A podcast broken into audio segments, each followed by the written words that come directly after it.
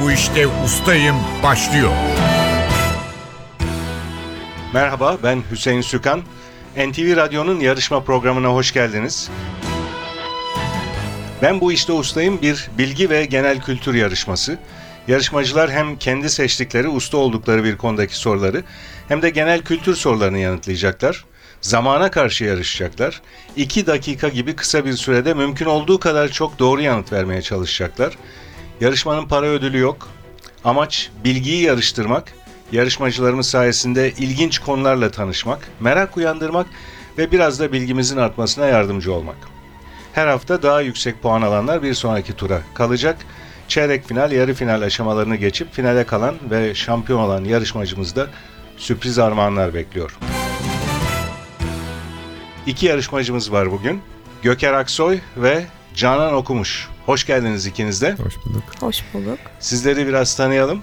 Göker Aksoy, siz İstanbul'dan katılıyorsunuz. İstanbul'dan katılıyorum. Antalya Gazipaşa doğumluyum. İstanbul Teknik Üniversitesi'nde çalışıyorum. Birçok ilgi duyduğunuz alanı yazmışsınız. Serbest dalış diyorsunuz mesela. Karayolu mühendisliği diyorsunuz. Karayolu mühendisliğe ilgi, ilginiz ne? Şöyle e, İstanbul Teknik Üniversitesi'nde e, İnşaat Fakültesi'nde ulaştırma kürsüsünde çalışıyoruz. Orada verdiğimiz temel derslerden biri aslında karayolu mühendisliği. Benim ilgimi çeken yanları var bu konunun. Mesela bir virajın doğru dereceyle yapılıp yapılmadığını hep merak ediyorum. Yani oraya belli bir süratle giren bir araç Hı hı. eğer viraj doğru yapılmışsa bir sorun olmadan dönebiliyor orayı ama virajda bir problem varsa zorlanıyor. İşte biz onu hesaplamaya çalışıyoruz derslerimizde. Virajın yarıçapı ne olacak? Hızı ne olabilir taşıtların diye. Onları hesaplamaya çalışıyoruz. Onları gösteriyoruz dersimizde. Ben de o uzmanlık alanı olarak yazmıştım. Asma diye. köprülerde giriyor mu? Yok Ya, onlar daha çok diğer dallara giriyor. Anladım. Peki uçak kazaları aslında çok güncel bir konu. Evet. Malezya Hava Yolları kayboldu. Düştü mü, düşmedi mi, Hala kaçırıldı mı bir sürü teori var. Uçak kazaları da eskiden beri aslında gelen bir hobim diyeyim. Belgesel kanallarında fırsat buldukça. Yani ilgi duyuyorsunuz. Hobi deyince insan hoşlandığı şeyden Yani bahseder. evet.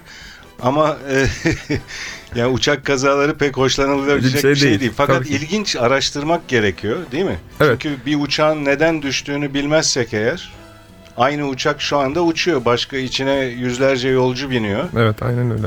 Dolayısıyla nedenini öğrenip düzeltilmesini sağlamak lazım. Hobiden çok daha düzelteyim merak uyandırıyor. Neden Evet. olduğunu, neden düştüğünü, bu nasıl önlenebileceğini e, anlamak için. Çünkü biraz önce karayolu mühendisliği dediniz. Hı hı. Aslında karayollarındaki seyahatler uçak seyahatinden çok daha tehlikeli. Aynen. Daha fazla insan ölüyor bir yılda.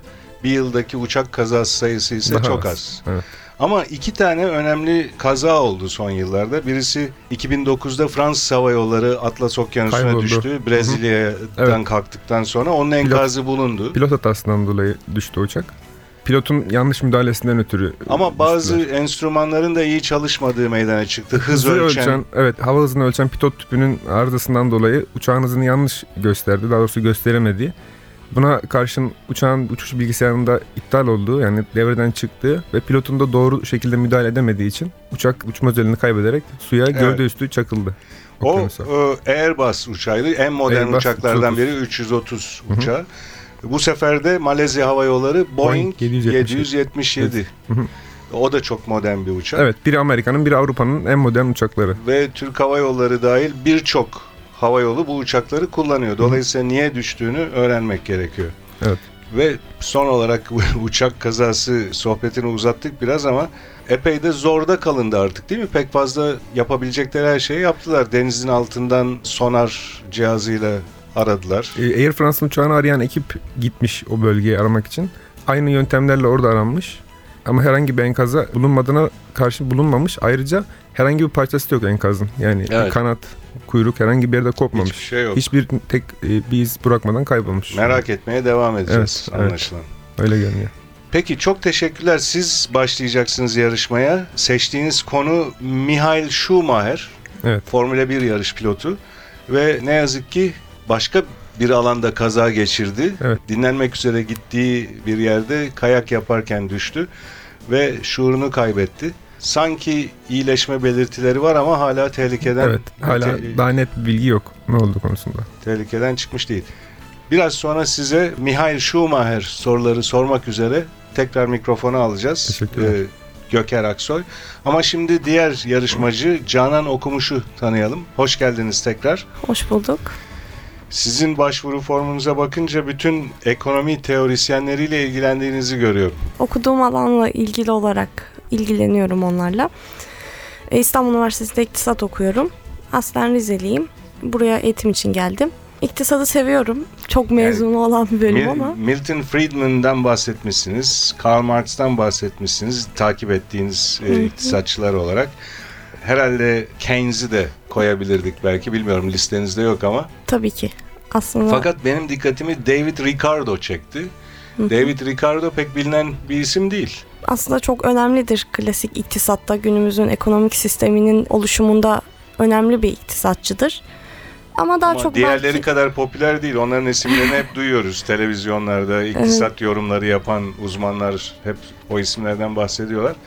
Ama David Ricardo daha eski bir iktisatçı olduğu için siyasette öteki iktisatçıların biraz sosyal ve siyasi yönleri de var. O yüzden belki de daha çok duyuyoruz ama Ricardo hem çok eski bir iktisatçı ve iktisat alanıyla daha sınırlı. O yüzden biraz daha sanırım spesifik kalıyor ötekilere Evet, göre. böyle biraz tartışmalı teorileri var. Ülkeler sadece yapabilecekleri sanayi alanında uzmanlaşsınlar, rekabete girmesinler. Hı Bir hı. başka ülke başka bir şey yapsın ve aralarında onu değiş tokuş etsinler gibi çok Evet uluslararası ticarette öyle bir teorisi var. Tabii iktisadın birçok teorisi tartışmalı. Onun da günümüzde geçerliliği tartışılıyor. Üstüne ondan sonra birçok teori yapıldı. Ondan önce Adam Smith'in de buna benzer bir Evet. teorisi oldu. Bu şekilde yani aşamalı olarak ilerliyor. Kesin net olarak bir doğru zaten söyleyemiyoruz. Evet, David Ricardo 1772-1823 yıllarında yaşamış. Önce çok para kazanmış, e, borsada oynayarak galiba değil mi? Evet. Ondan sonra da o paralarla kendisine İngiliz parlamentosunda bir yer edinmiş, siyasette devam etmiş ve çeşitli kitaplar yazmış.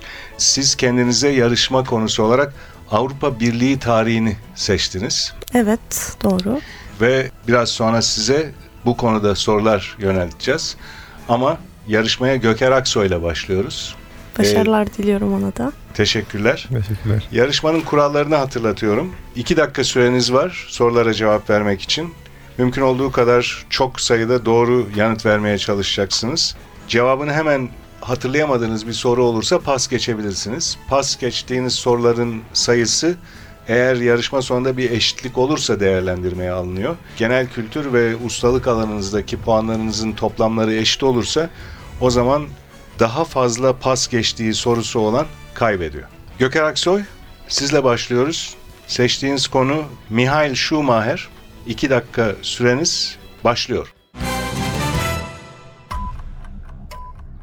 Mihail Schumacher Formula 1 kariyerine hangi takımda başlamıştır? Jordan. Schumacher 1994 sezonunu hangi pilotun bir puan önünde tartışmalı bir şekilde birinci tamamlamıştır? Damon Hill. Mihail Schumacher'in en çok kullanılan ve en popüler lakabı nedir? Şumi. Schumacher'in ilk Formula 1 yarışını kazandığı ve açık ara en sevdiğim pist olarak nitelediği pistin adı nedir? Belçika. Belçika pistin adını lütfen söyleyin. Pistin adını hatırlayamıyorum. Ee, Spa, Belçika Spa ya da Spa Francorchamps. Michael Schumacher'in 1999 yılında bacağı kırıldıktan sonra hangi Grand Prix ile pistlere geri dönmüştür? Pas. Schumacher 12 yaşındayken yaşından dolayı Almanya'dan alamadığı karting pilotu lisansını hangi ülkeden almıştır? Lüksemburg. Michael Schumacher'in 1996'da Ferrari'deki ilk sezonunda takım arkadaşı hangi pilottu? Pas.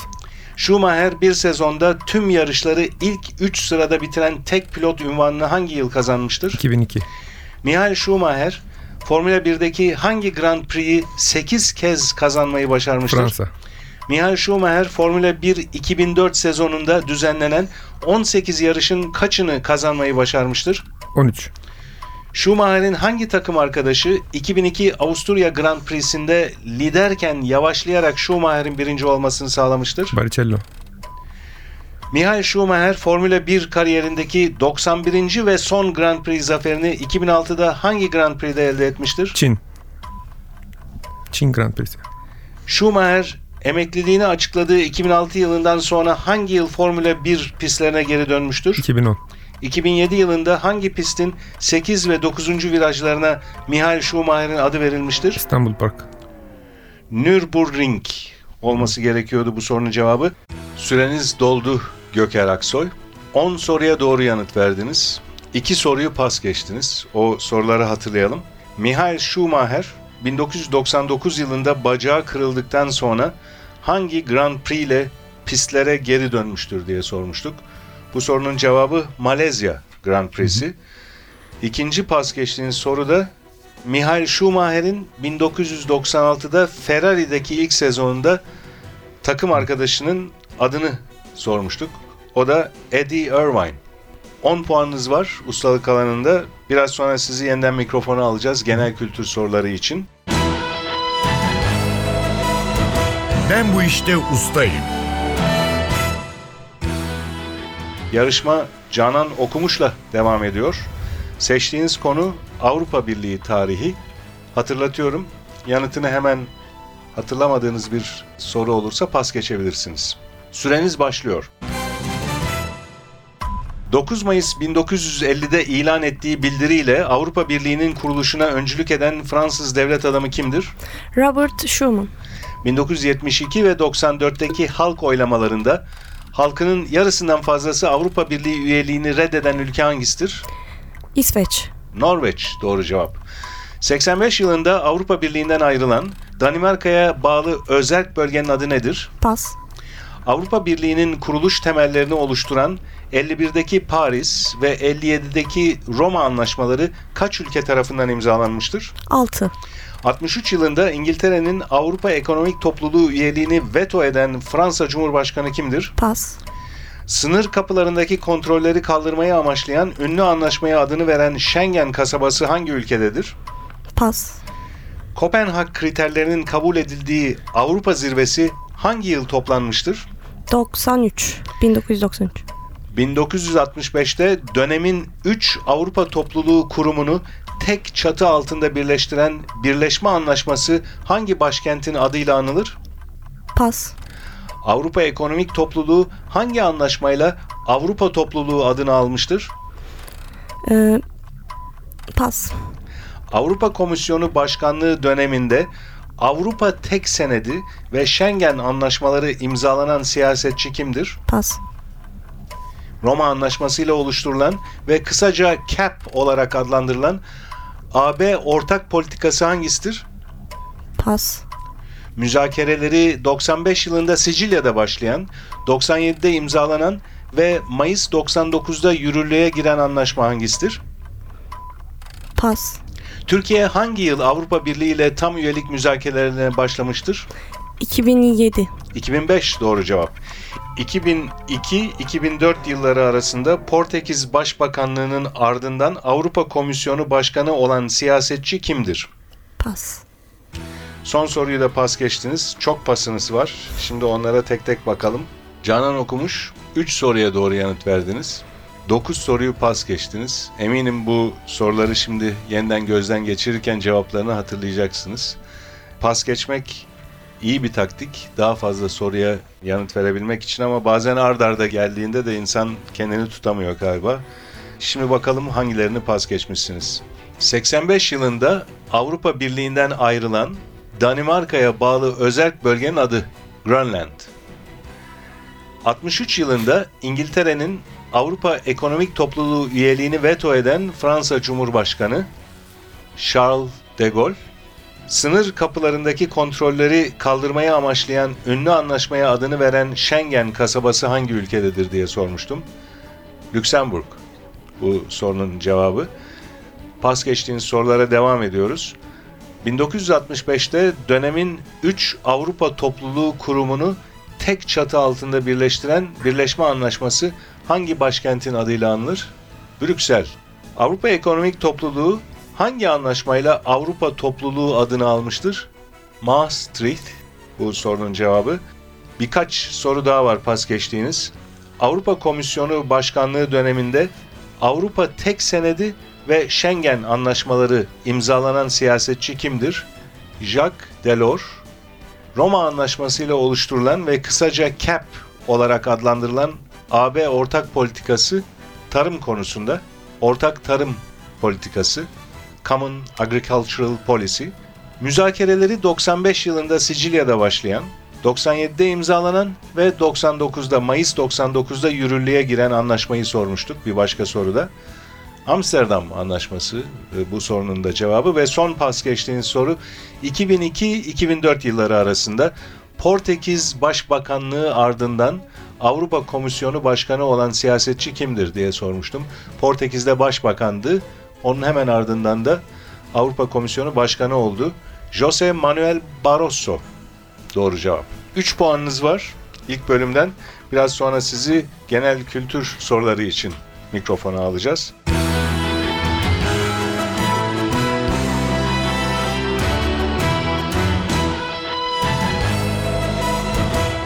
Bu işte ustayım.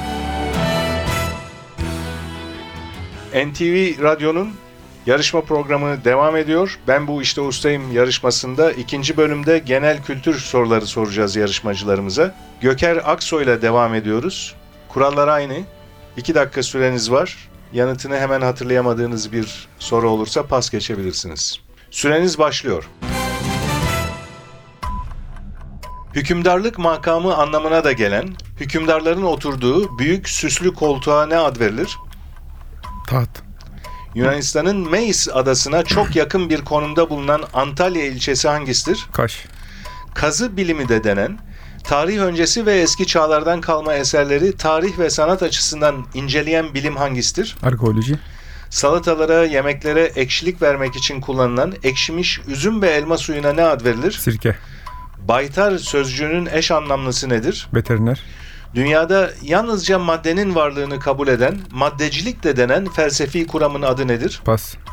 1992 yapımı Temel İçgüdü filminde Michael Douglas'la başrol oynayan aktris kimdir? Sharon Stone. İpek böceğinin ördüğü ve içine kapandığı koruna ne ad verilir? Koza.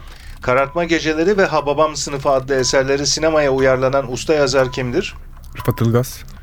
Cadde-i Kebir İstanbul'daki hangi ünlü caddenin eski adıdır? Pas. Kazaklarda boynu saran ve katlanabilen yakaya ne ad verilir? Pas. Ee, 1993 yılı başında Çek Cumhuriyeti ve Slovakya olarak ikiye ayrılan ve tarihe karışan ülkenin adı neydi? Pas. Aynı zamanda bir uluslararası hukuk terimi olan, müzikte sesleri belirtmeye yarayan işaretlere ne denir? Nota.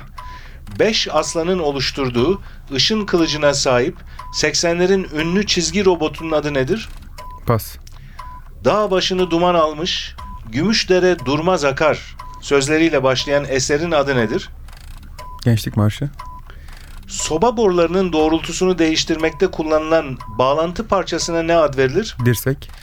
Arpa, darı, buğday gibi tahılların hamurunun ekşilti- ekşitilmesiyle yapılan koyuca tatlı ve mayhoş içecek hangisidir? Pas. Bu arada süreniz doldu. Tam süre dolarken pas geçtiğiniz sorunun cevabı boza. Arpa, darı, buğday gibi tahılların hamurunun ekşitilmesiyle yapılan koyuca tatlı ve mayhoş içecek hangisidir demiştim. Boza onun cevabı. Bununla birlikte 6 soruyu pas geçtiniz. O soruların hepsini hatırlayalım. 5 aslanın oluşturduğu ışın kılıcına sahip 80'lerin ünlü çizgi robotu Voltron. 1993 yılında Çek Cumhuriyeti ile Slovakya olarak ikiye ayrılan ve tarihe karışan ülke Çekoslovakya. Dünyada yalnızca maddenin varlığını kabul eden, maddecilik de denen felsefi kuramın adı nedir diye sormuştum. Materyalizm bunun da cevabı. İki soru daha var pas geçtiğiniz. Cadde-i Kebir, İstanbul'daki hangi ünlü caddenin eski adıdır demiştik. İstiklal Caddesi, doğru cevap. Ve son pas geçtiğiniz soru, Kazaklarda boynu saran ve katlanabilen yakaya ne ad verilir demiştik. Balıkçı yaka, doğru cevap. 11 soruyu doğru yanıtladınız. 6 soruyu pas geçmiştiniz. Onların üzerinden geçtik ve cevaplarını hatırladık. 21 puanınız var toplam. Ben bu işte ustayım. Yarışmaya Canan Okumuş'la devam ediyoruz. Genel kültür soruları için mikrofona geliyor Canan Okumuş. Hatırlatıyorum, eğer bir sorunun cevabı hemen aklınıza gelmezse pas geçebilirsiniz. 2 dakika süreniz var ve başlıyor. Yanardağların püskürme sırasında yeryüzüne çıkardıkları kızgın erimiş maddelere ne ad verilir? Lav. Boğa heykeliyle tanınan, eski çağlarda körler ülkesi olarak bilinen İstanbul ilçesi hangisidir? Kadıköy. Osmanlı Devleti'nde padişahın verdiği, uyulması gerekli hükümleri taşıyan yazılı buyruklara ne denir? Ferman. Basın, yayın ve haberleşme ile sinema ve kitap yapıtlarının hükümetçe önceden denetlenmesi ya da kısıtlanması işine ne ad verilir? Rütük. Sansür doğru cevap. Sinema tarihinin en ünlü gerilim filmlerinden biri olan Kuşların yönetmeni kimdir? Pas. Çince ve İngilizceden sonra dünyada en çok konuşulan üçüncü dil hangisidir? İspanyolca. Doğu Karadeniz bölgesine özgü yelkenli kıyı teknesinin adı nedir? Taka. Sezen Aksu'nun kendisiyle özdeşleşmiş ünlü lakabı nedir? Minik serçe. Hedef noktaları dairesel olarak belirlenmiş bir tahtaya küçük okların atılmasıyla oynanan oyunun adı nedir? Evden kaçan bir eşek, köpek, kedi ve horozun müzisyen olma hayallerini anlatan ünlü masal hangisidir? Bremen müzikacıları. Cumhuriyet Halk Partisi'nin İsmet İnönü'den sonraki genel başkanı kimdir? Pas. Kadınların saçlarını tutturmak için kullandıkları U biçimindeki naylon veya telden saç tokasına ne ad verilir? Tel toka. Firkete doğru cevap. Türk edebiyatının en önemli eserlerinden biri olan Tutunamayanların yazarı kimdir? Pas. Kimyasal simgesi C harfi olan elmas, kömür, grafit gibi maddelerin aslını oluşturan element hangisidir? Karbon. Güneydoğu Anadolu'nun en çok ziyaretçi çeken yerlerinden Balıklı Göl hangi şehirdedir? Pas. Domates ve kırmızı biberin ezilmesi ve kaynatılması ile elde edilen püre halindeki gıda maddesine ne denir? Tarhana. Salça doğru cevap. Bu arada süreniz doldu. Canan okumuş. Genel kültür alanındaki sorularda hızlandınız. 10 soruya doğru yanıt verdiniz. 4 soruyu da pas geçtiniz. O soruları hatırlayalım. Sinema tarihinin en ünlü gerilim filmlerinden biri olan Kuşların yönetmeni kimdir demiştik. Alfred Hitchcock bu sorunun doğru yanıtı. Cumhuriyet Halk Partisi'nin İsmet İnönü'den sonraki genel başkanı kimdir diye sormuştuk. Bülent Ecevit. Şimdi hatırlıyorsunuz. Yüzünüzdeki ifadeden anlıyorum. Türk edebiyatının en önemli eserlerinden biri olan Tutunamayanların yazarını sormuştuk. Oğuz, Oğuz Atay. Oğuz Atay doğru cevap. Güneydoğu Anadolu'nun en çok ziyaretçi çeken yerlerinden Balıklı Göl. Hangi şehirdedir? Şanlıurfa. Bu sorunun da doğru cevabı. Toplam 13 puanınız var. Canan okumuş. Rakibiniz Göker Aksoy ise yarışmayı toplam 21 puanla bitirdi. Bir sonraki turda Göker Aksoy'u tekrar aramızda göreceğiz. Her ikinize de teşekkürler geldiğiniz için, yarıştığınız için. NTV Radyo'nun bilgi ve genel kültür yarışması Ben Bu İşte Ustayım yarışmasının bugünkü bölümü burada sona eriyor. Eğer sizler de yarışmaya katılmak isterseniz yarışma hakkındaki bilgileri ve elektronik başvuru formunu NTV Radyo'nun internet sitesi ntvradio.com.tr adresinde bulabilirsiniz. Ben bu işte ustayım bilgi yarışmasının bir başka bölümünde buluşmak üzere. Stüdyo yapım görevlisi Atilla Özdal, soruları hazırlayan Fatih Işıdı ve program müdürümüz Safiye Kılıç adına ben Hüseyin Sükan hepinize iyi günler diliyorum. Hoşçakalın.